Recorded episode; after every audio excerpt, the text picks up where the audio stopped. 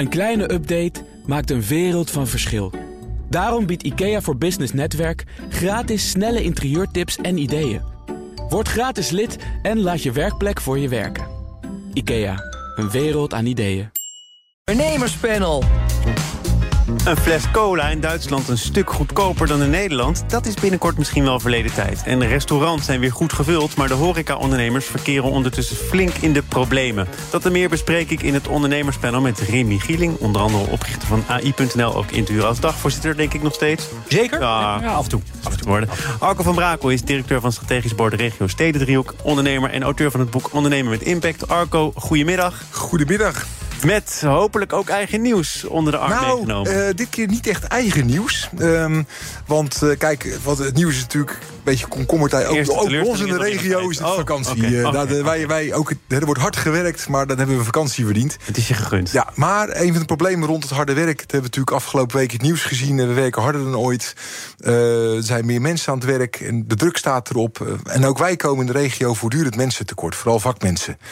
Maar... Um, wat ook een probleem is, zijn alle tweedelingen in Nederland. Nou, en dat is mijn nieuws. Het Sociaal Cultureel Planbureau heeft een heel mooi rapport uitgebracht afgelopen week over de samenleving, uh, uh, die, eigenlijk voortdurend in beweging is. Um, en eigenlijk doen ze een pleidooi, houden ze een pleidooi voor op een heel andere manier kijken naar diversiteit. Waarom is dat belangrijk voor ondernemers? Nou, wat we de neiging hebben als het zo druk is om uh, diversiteit vooral als een probleem te zien. Uh, je hebt het al hoort, hoort alleen maar over tweedelingen in de samenleving. Die zijn er natuurlijk ook. Maar het zijn zoveel tweedelingen dat je bijna door de tweedeling het bos niet meer ziet. Um, en de grap is dat juist die diversiteit juist niet een probleem is, maar een enorme kans. En uh, bijvoorbeeld een van de dingen wat, waar het, wat er onder andere uitkomt, is dat je als je dus meer diversiteit in je organisatie hebt, dat je gewoon tot betere resultaten komt en tot, tot betere, betere besluiten. Dat weet ik ook vanuit Semco-stel. Daarom was ik heel blij met dit rapport. Maar wat ook super interessant is, dat die diversiteit um, ook niet optimaal benut wordt. En wat je nou ziet in de arbeidsmarkt die we nu hebben, is dat mensen vaak meerdere rollen hebben. En vaak worden er hokjes gezet tussen die rollen. Maar het leuke is juist dat de samenhang tussen de dingen die mensen doen, dat je dus in uh, voetbalvoorzitter bent en je bent accountmanager of je bent uh, uh, ergens actief als ZZP'er naast je normale baan. Er zit ontzettend veel harmonie tussen die en de synergie tussen die, die rollen die je hebt in het leven. En door is wat minder vanuit diversiteit en tweedeling als probleem te kijken, maar het meer als een kans te zien, zou een enorme positieve impuls aan de samenleving en aan werkgeverschap kunnen geven. Maar stel, ik ben ondernemer en ik heb het druk, want dat blijkt uit de andere ja. publicaties eh, van de afgelopen weken in Nederland werkt zich suf. Ja, ik heb precies. geen tijd om dat rapport van het Sociaal Cultureel Planbureau helemaal door te bladeren. Maar ik luister toevallig nu wel naar BNR en ik hoor Arco van Brakel. Wat moet ik nou precies doen met deze kennis? Deze kennis uh, zorgt voor maximale diversiteit op de werkvloer, dat is één. maar je kunt toch niemand vinden?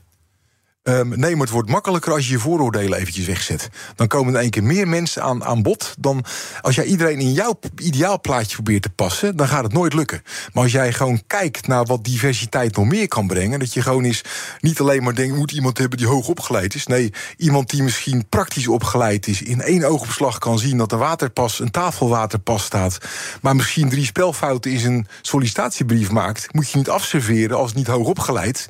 Moet je zeggen, nee, die heeft een ander talent wat ik ook nodig heb. Dus probeer wat minder vanuit de hokjes te denken. En probeer wat meer naar de samenhang te kijken. En naar wat mensen wel kunnen bijdragen.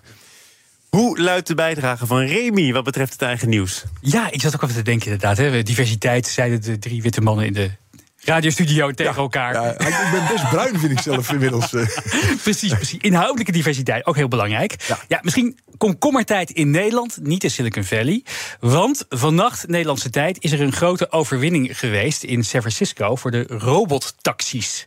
Ja, je ziet het hier natuurlijk niet op straat, maar in San Francisco heb je een drietal zelfrijdende taxidiensten actief: Cruise, Waymo en Zoox. Uh, Waymo is onderdeel van Google, uh, Cruise onderdeel van General Motors. En uh, vooral die laatste twee dus, die hebben een grote overwinning behaald. Want er was een zes uur durende vergadering van de California Public Utilities Commission. Ik moest het er even bij zoeken. En die hebben besloten dat die taxidiensten nu 24-7 de hele week door, dus dag en nacht, operationeel mogen zijn. Dus dat ze taxis hebben rondrijden zonder, zonder menselijke chauffeurs. Het was een hele gepolariseerde discussie ook. Daarom duurde die ook 6,5 uur. Er waren echt voor- en tegenstanders. De tegenstanders die zeiden ja, hè, we moeten veel meer investeren in public transport en niet in robottaxis voor de riches. En we zijn de, de ziel van de stad aan het verkopen. Wat is het voor de riches dan? Nee, dat valt, dat valt reuze mee. Maar ze zeggen, het is uiteindelijk veel beter als we niet heel veel auto's op straat laten rijden. Veel meer inderdaad gaan kijken of het, wat we meer kunnen doen met bussen, met, met fietsen. Uh, uh, om, om, die, om die straat een beetje, beetje, beetje uh, rustig te houden. En, maar de, ja, de voorstanders die zeggen, ja, die robottaxis zijn heel belangrijk. Want die zorgen voor uiteindelijk veel minder verkeersdoden uiteindelijk. Nou, het was een hele gepolariseerde discussie. Uiteindelijk hebben ze drie commissieleden tegen uh, hebben voorgestemd, eentje tegen. En nu mogen die taxidiensten dus 24-7 daar door die straten Vergeef me dat ik niet helemaal zeker weet, maar waren er ook al slachtoffers gevallen of ongelukken geweest met robotaxis? Nou, nee, er zijn altijd wel kleine, kleine, uh, kleine uh, ongelukjes gebeurd. Geen serieuze ongelukken nog. De CEO van Cruise die zegt wel: ja, dit gaat een keer gebeuren. We weten dat dit eraan zit te komen. Weten we dan ook wie er verantwoordelijk is? Nou ja, dat is natuurlijk altijd een beetje de, de, de, de vraag. en de, de, de, Bas Haring was hier ook laatste gast bij. bij Big uh, bij, bij, de Big Five inderdaad. En die zei ook, ja, dit zijn, uh, je hebt altijd drie keuzes daarin. De, misschien is wel degene die aan het oversteken is de gas. Ja, als, als, als iemand plotseling de straat op rent, ja, dan kan je moeilijk, een, zelfs een zelfrijdende taxi kan je daar niet voor verantwoordelijk houden. Nou, de chauffeur wordt lastig, want die is er niet meer. En ja, dan is uiteindelijk toch inderdaad de, de, de, de, de, de eigenaar of de operator in dit geval, die, die zal daarvoor zich moeten verantwoorden. Ja. Jij, jij hebt een zwak voor innovaties, daar praat je graag over, schreef je graag over. Maar dit is natuurlijk vooral ook een juridische kwestie lange vergadering. Uh, schaar jij je bij het kamp van die drie voorstemmers? Ja, nou, en, en daar moet ik wel bij zeggen, inderdaad, ik ben altijd lichtelijk uh, positief realistisch, noemen we het zelf altijd. Maar als je kijkt naar de onderzoeken, de Cruise bijvoorbeeld, die heeft al inmiddels uh, meer dan 3,2 miljoen miles, dus uh, 3,2 miljoen kilometer, autonoom gereden zonder chauffeurs. Nou, de onderzoeken, weten wij van de C1, maar die laten wel zien dat er 70% minder ongevallen zijn dan bij menselijke chauffeurs het geval waren. In 2021 waren er in Amerika 41.000 verkeersdoden alleen al. En uh, ik denk dat het gewoon heel belangrijk is dat er, dat, er, dat er op innovatie moet komen. Om dat ook straks in Europa hopelijk uh, te kunnen gaan verminderen. Ja, ik vind het altijd vreemd dat als er dan uh, miljoenen kilometers schadevrij worden gegeven... er wordt één fout gemaakt, zeg maar, zie je wel... Zie je wel, ja. Terwijl er door gewone mensen veel meer fouten worden gemaakt. En dat heb ik met de internet-hype heb ik dat meegemaakt... dat mensen dat soort fouten dan toeschreven aan internet... terwijl ze er zelf meer maakten. Ik heb het heel op een hele andere manier ook met uh, mijn bedrijf... met Ricardo uh, samen over zelforganisatie. Ja, een zelforganiserend bedrijf maakt ook fouten. Maar niet meer of minder dan een niet zelforganiserend bedrijf. Maar als dit een zelforganiserend bedrijf... oh, zie je wel, het komt door de zelforganisatie. Dus er wordt altijd op iets nieuws... wordt dan de vinger gelegd tot dat een groot probleem is. Terwijl meestal het nieuwe niet slechter is... en vaak zelfs beter is dan het oude. En dat is een heel raar patroon wat wij als mensen hebben. Ja. Dat fascineert mij mateloos. Mij ook, maar andere zaken net zo. Dus we gaan het hebben over de Europese Commissie. Want als dan die commissie ligt, verdwijnen de barrières voor supermarkten, elektronica-ketens en andere winkelbedrijven om over de grens in te kopen. Dat zou dan in het voordeel moeten zijn van consumenten. Is de gedachte in Brussel. Onder andere het Financiële Dagblad schreef er deze week over. Uh, zien jullie het gebeuren? Overal dezelfde prijs in de supermarkt, omdat de inkoopprijs ook gelijk getrokken wordt? Ja, je zag al in het verleden dat Picnic hier natuurlijk al een beetje op het ja. voorsorteren was. Dat je in de app inmiddels producten uit Duitsland kan kiezen. Waar ze dan inderdaad een etiketje overheen moeten plakken. Ja, precies, want dat zijn de voorschriften. Hè. Je moet ook wel in het Nederlands dan kunnen lezen wat er in de appelmoes zit. Hoeveel suiker erin zit. Ik denk dan uiteindelijk, ja, waarom vervangen we in vredesnaam niet dat label voor een QR-code? Dan kan je altijd gewoon even scannen in je eigen taal. waar je dat, ook dat bent. zegt Michiel natuurlijk ook. Ik heb nog geprobeerd te bellen. Michiel is Michiel Muller. Michiel Muller van, maar, van Picnic. Ik mogen misschien wel Michiel zeggen. Ja, ja. Uh, ik had nog geprobeerd hem te bellen, maar is niet gelukt. Uh, want die zegt terecht, ja hallo, dat label staat op de website. Er moet alsnog een stickertje op die Duitse Nutella-pot plakken. Ja. Dat is natuurlijk heel raar in een online wereld. Maar goed, weet je. Nou, dat is gewoon wetgeving. Dat er ja. op uh, producten ook de informatie moet staan van wat er in dat product zit. Ja. Nou, en er is natuurlijk ook wel gewoon volgens mij algemeen bekend. Ik heb wel eens die, die programma's ook op de, op de, op de publieke omroep gezien. Dat, dat de prijzen die gewoon voor, voor, voor consumentenproducten, shampoos, weet ik wat, deo's, die in Duitsland worden gevraagd, gewoon, ik geloof twee derde goedkoper zijn dan in Nederland. Alleen wij zijn gewend dat gewoon alles permanent in de aanbieding gooien. En daar hebben ze gewoon geen aanbieding, maar altijd gewoon lage prijzen. Ja. Dus ik ben heel benieuwd wat dat voor de, voor de aanbiedingen volgt. Dus maar eigenlijk zou je zeggen, als wij dan toch zo gewend zijn aan aanbiedingen, zeker drogisterijen, die moeten dat eigenlijk wel, omdat ja. we anders het marktaandeel verliezen. Uh, maar dat zorgt er wel voor dat het prijsverschil met Duitsland, vaak genoemd, binnen de perken blijft te licht. Omdat wij door middel van stunten toch nog een heel eind in de buurt kunnen komen. Ja, precies. Maar als straks inderdaad... Echtgenoot is daar heel goed in. Oh. Die let er ook heel erg op. Dus die, ik niet. Ik trap altijd overal in. maar, maar het is wel zo dat dit wel... Kijk, als je praat over Europa, vrij goederenverkeer, verkeer, vrije handel... en dat is eigenlijk niet zo, doordat er toch landsgrenzen een verschil uh, in prijs uh, veroorzaken. Dat is natuurlijk niet hoe Europa bedoeld is. En het komt voor mij nu ook al, alleen dan krijg je dus aan de stok vaak met die, met die, met die producenten. Ik heb begrepen dat Ab, Ab, Ab, InBev een boete van 200 miljoen had gekregen, omdat ze inderdaad een, een, een retailpartij uh, hadden verboden om, om de, de, de, de biertjes uit Nederland te halen. kennen wij onder de naam Albert Heijn. Ja, dat, was, dat, dat was ik weet nog, toen ik zelf met, met retailers samenwerkte, verticale prijs prijsbinding, dat mag niet in Nederland. Hè? En, en voor mij in Europa zelfs. Wat is dus dat, verticale prijsbinding? Dat is dat jij als leverancier bepaalt wat de verkoopprijs is. Um, en dat, uh, het lijkt bijvoorbeeld dat bedrijven als Apple en zo dat nog redelijk goed kunnen, maar dat is niet, want het mag gewoon niet. Een, een, winkelier mag zelf bepalen welke prijs hij vraagt voor zijn product. Maar goed, als je dan kunstmatig je inkoopprijs zo hoog maakt dat mensen het niet meer kunnen, uh, die zelf die prijs bepalen, ja, dan, dan is er wel sprake van een verstoorde markt. Ja, en waarom dat dan kunstmatig is, is omdat je nu als winkelbedrijf alleen terecht kunt bij het lokale dochterbedrijf van een fabrikant. Ja. Uh, en daar wordt nu onderzoek naar gedaan. Moet dat niet eh, veranderd worden? Maar als dat verandert, dan, dan zet het nog wel wat, uh, wat op zijn kop natuurlijk. Ja, ik denk het wel. Ik denk dat uiteindelijk de consument de winnaar is. En de ondernemers in de grensstreken. Die zullen hier heel veel voordeel van hebben. Want dat is natuurlijk, het is natuurlijk pure concurrentievervalsing. Dat je gewoon als je in, in Doetinchem woont, 30 kilometer verderop, gewoon voor 30 of 40 cent minder kunt tanken dan hier. maar, in boodschappen kunt ja, doen. Bij, bij, bij dat tanken heeft het natuurlijk ook veel te maken met accijnzen, lijkt me zo. Maar ik vraag me wel af, bijvoorbeeld als je het hebt over waarom bepaalde producten in bepaalde landen goedkoper zijn, of boodschappen in algemene zin goedkoper zijn. Heeft dat niet ook te maken met lokale of nationale omstandigheden. Zijn er bijvoorbeeld eh, in Duitsland meer supermarkten? Als er in Duitsland ook meer banken zijn, waardoor de rente in Duitsland heel anders is. Ik kom net eh, terug van een vakantie in Polen. Nou, kan, ik kan je vertellen, de boodschappen zijn daar aanzienlijk goedkoper. Ook omdat er in Polen gewoon minder wordt verdiend. Is dat niet ook voor een deel ja. marktwerking? Ja, ik denk het wel. Maar ik denk ook dat het goed is dat er in dat paal en perk wordt gesteld aan, aan, de, aan die. Ja, misschien dat het ook al wet, technisch niet mocht in Nederland. Maar dat er toch heel veel macht zat nog wel bij die grote producenten. Waarvan ze zeiden van ja, we gaan je gewoon niks verkopen uit Duitsland. Dus dan, ga je, dan moet je het zelf maar gaan halen uit, uit de supermarkten. En um, uh, ik ben ook wel gewoon benieuwd, inderdaad. Volgens mij waren die, al die, al die, al die, al die, al die, ja, al die, al die, ja, hoe heet dat, die discountketens, die waren voor mij hier al heren meester in. Hè? Gewoon pellets kopen, inderdaad in Polen ja. uh, naar Nederland verslepen en dat dan in de. Iedereen aanraden, ja. Polen. heb je wat mee, heb je pellet meegenomen? Nee, nee, nee, nee, ik ben met wat minder teruggekomen omdat mijn fietsen zijn gehad. Maar goed, dat is een ander. Misschien kan je daar weer kopen, Thomas. Ook weer. Nog heel even naar hoe het in Nederland uh, gaat wat betreft marktwerking en ook de werking van inflatie. Want de topman van onder andere Ahold Deleuze liet tussen neus en lippen door uh, vallen dat hij daar waar mogelijk wil overgaan tot prijsverlagingen. Dat is even wennen na de afgelopen maanden. Ja, En wij spraken er onder andere over met uh, retaildeskundige Paul Moers en hij zei dit. De inflatie is wat dat betreft echt over zijn uh, top heen.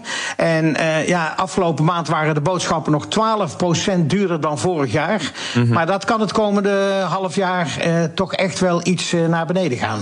Komt er een prijzenslag?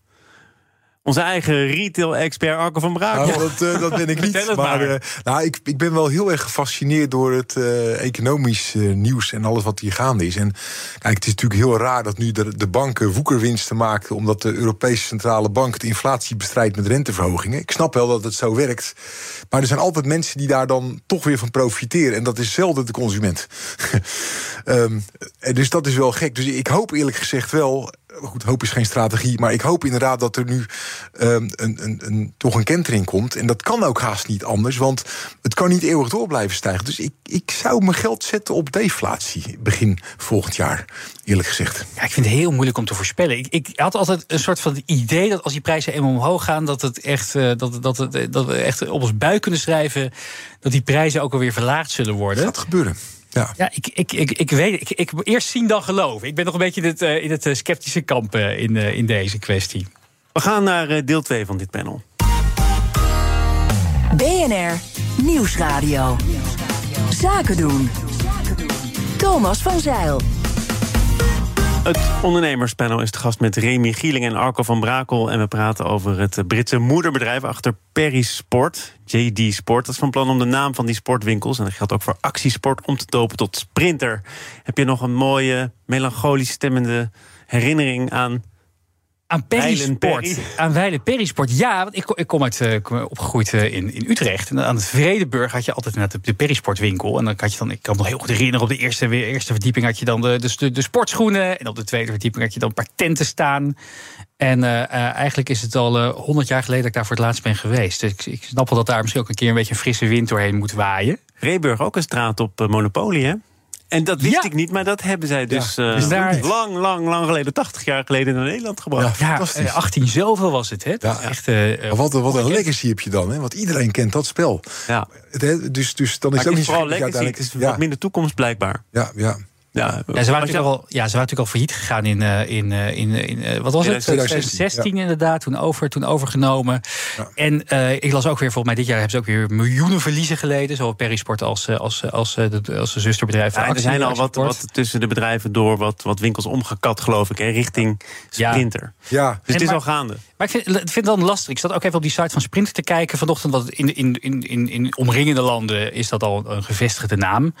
Maar ik kon er niet echt uithalen wat, wat hier nou anders is. Anders is. Dat ja, heb ik ook. Ze hebben allemaal weer dezelfde merken. Allemaal weer, weet je, padelrekketjes, uh, sportschoentjes. Uh, nou, padel, dat hadden ze 80 jaar geleden nog niet. Dat hadden ze nog niet. Dus, nee, zeker. Maar wel ik, bij de tijd. Ik was echt, voor, voor, voor het eerst in jaren was ik een keer in de Decathlon dit weekend. En ik dacht, ja, volgens mij heb ik dit ook heb ik dit weekend ook in die Decathlon winkel gezien, allemaal zien liggen. Dus hoe dit nou zich verhoudt daar tot. Is het gewoon, nou, dan kom ik jou, duw ik jou weer in een expertrol ja, ja, van retail. Ik weet niet of dat verstandig is. Maar is er dan misschien te veel? Wel gewaardeerd. Heeft, ja, snap ik. Heeft zo'n decathlon eh, het spel overgenomen? Ja, nou niet overgenomen. Decathlon, wat ik het leuke vind van Decathlon... die hebben wel een hele gave propositie waar ze uit ooit zijn begonnen. En dat is nog steeds, kun je dat herkennen. Zij wilden sport voor iedereen bereikbaar maken. Dus je kan voor een paar tientjes een hardloopoutfit... inclusief schoenen, voor een paar tientjes een voetbaloutfit kopen... een rugbyoutfit. Dus dat is wel een heel andere propositie dan, uh, dan uh, Perisport. En zij hebben ook hun eigen merken... En wat ze dan doen, dan vragen ze aan, bijvoorbeeld voor wintersport... stel je gaat skischoenen kopen Decathlon... en hebben ze het huismerk en hebben ze aan Salomon of een ander groot merk gevraagd... joh, wat is jullie best verkopende model geweest van de afgelopen jaren? Maak dat model nou eens een keertje voor ons. White label. White label.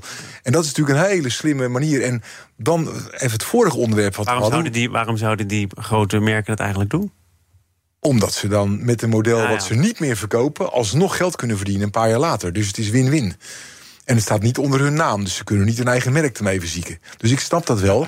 Maar het punt is even, het vorige onderwerp ging over, dat, over Europa en die prijzen. Ik denk dat Decathlon een voorbeeld is van een hele grote organisatie... die inderdaad zijn kosten heel goed onder controle heeft... door die enorme omvang. Ik denk dat Sprinter dat ook kan gaan doen. Maar dat JD Sports is ook gigantisch, hè? Daarom. Dus die hebben een enorm schaalvoordeel. Maar die hadden dan toch ook wel dat schaalvoordeel kunnen aanwenden voor Perry en voor actiesport? Of Soms moet je gewoon. Ik, hoe, hoe, ik ben marketeer, hè, van, dat, is eigenlijk mijn, dat is eigenlijk waar ik vandaan kom, lang geleden. Dus ik vind het altijd heel erg als mooie merken kapot gaan. Maar soms moet je een nieuw merk lanceren om echt een vernieuwing door te voeren. Nou, het voordeel wat je ook kan behalen, natuurlijk in al je marketinguitingen. Nu moet je elke keer voor, eh, voor, voor, voor Perry weer een andere, andere advertentie inkopen dan voor actiesport en andersom. En als je nou gewoon straks inderdaad centraal eh, de, de hele boel vanuit de sprinter kan, eh, kan, kan, kan inkopen en de, en de, en de, en de uitingen moet kan, je nog wel maken verdienen. Hè? Want uiteindelijk kost het natuurlijk ook geld om die actiesport in die periwinkels om, om te, katten. Ja.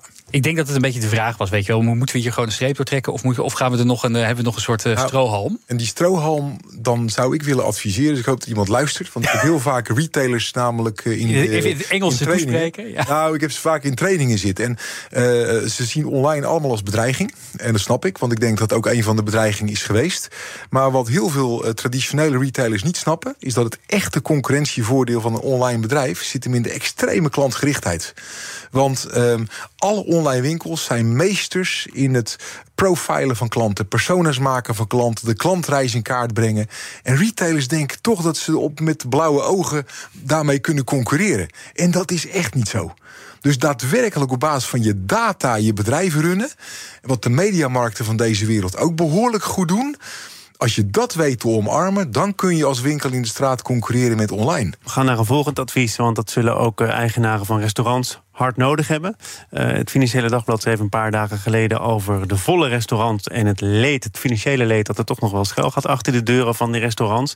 Uh, faillissementcijfers van vandaag nog ik geloof van de Kamer van Koophandel, kan ook CBS zijn geweest. Waar je ook ziet dat er een toename is van het aantal restaurants dat ermee stopt. Voor een deel nog toe te schrijven aan corona. Maar Remy, ik dacht, ja, er zijn heel veel bedrijven die natuurlijk last hebben gehad van corona. Hoe komt het nu dat die erfenis voor restaurants zwaarder lijkt dan voor andere ondernemers? Ja, het is een beetje, beetje het is ook een beetje koffie te kijken. Maar ik denk als we, als we, als we gewoon even kijken naar wat, wat, wat heeft die horeca meegemaakt, is natuurlijk die sluiting. Sommige, ik las van een uh, Utrechtse horeca-ondernemer, die, die had net een, eh, voor corona een zaak geopend, 9 ton geïnvesteerd.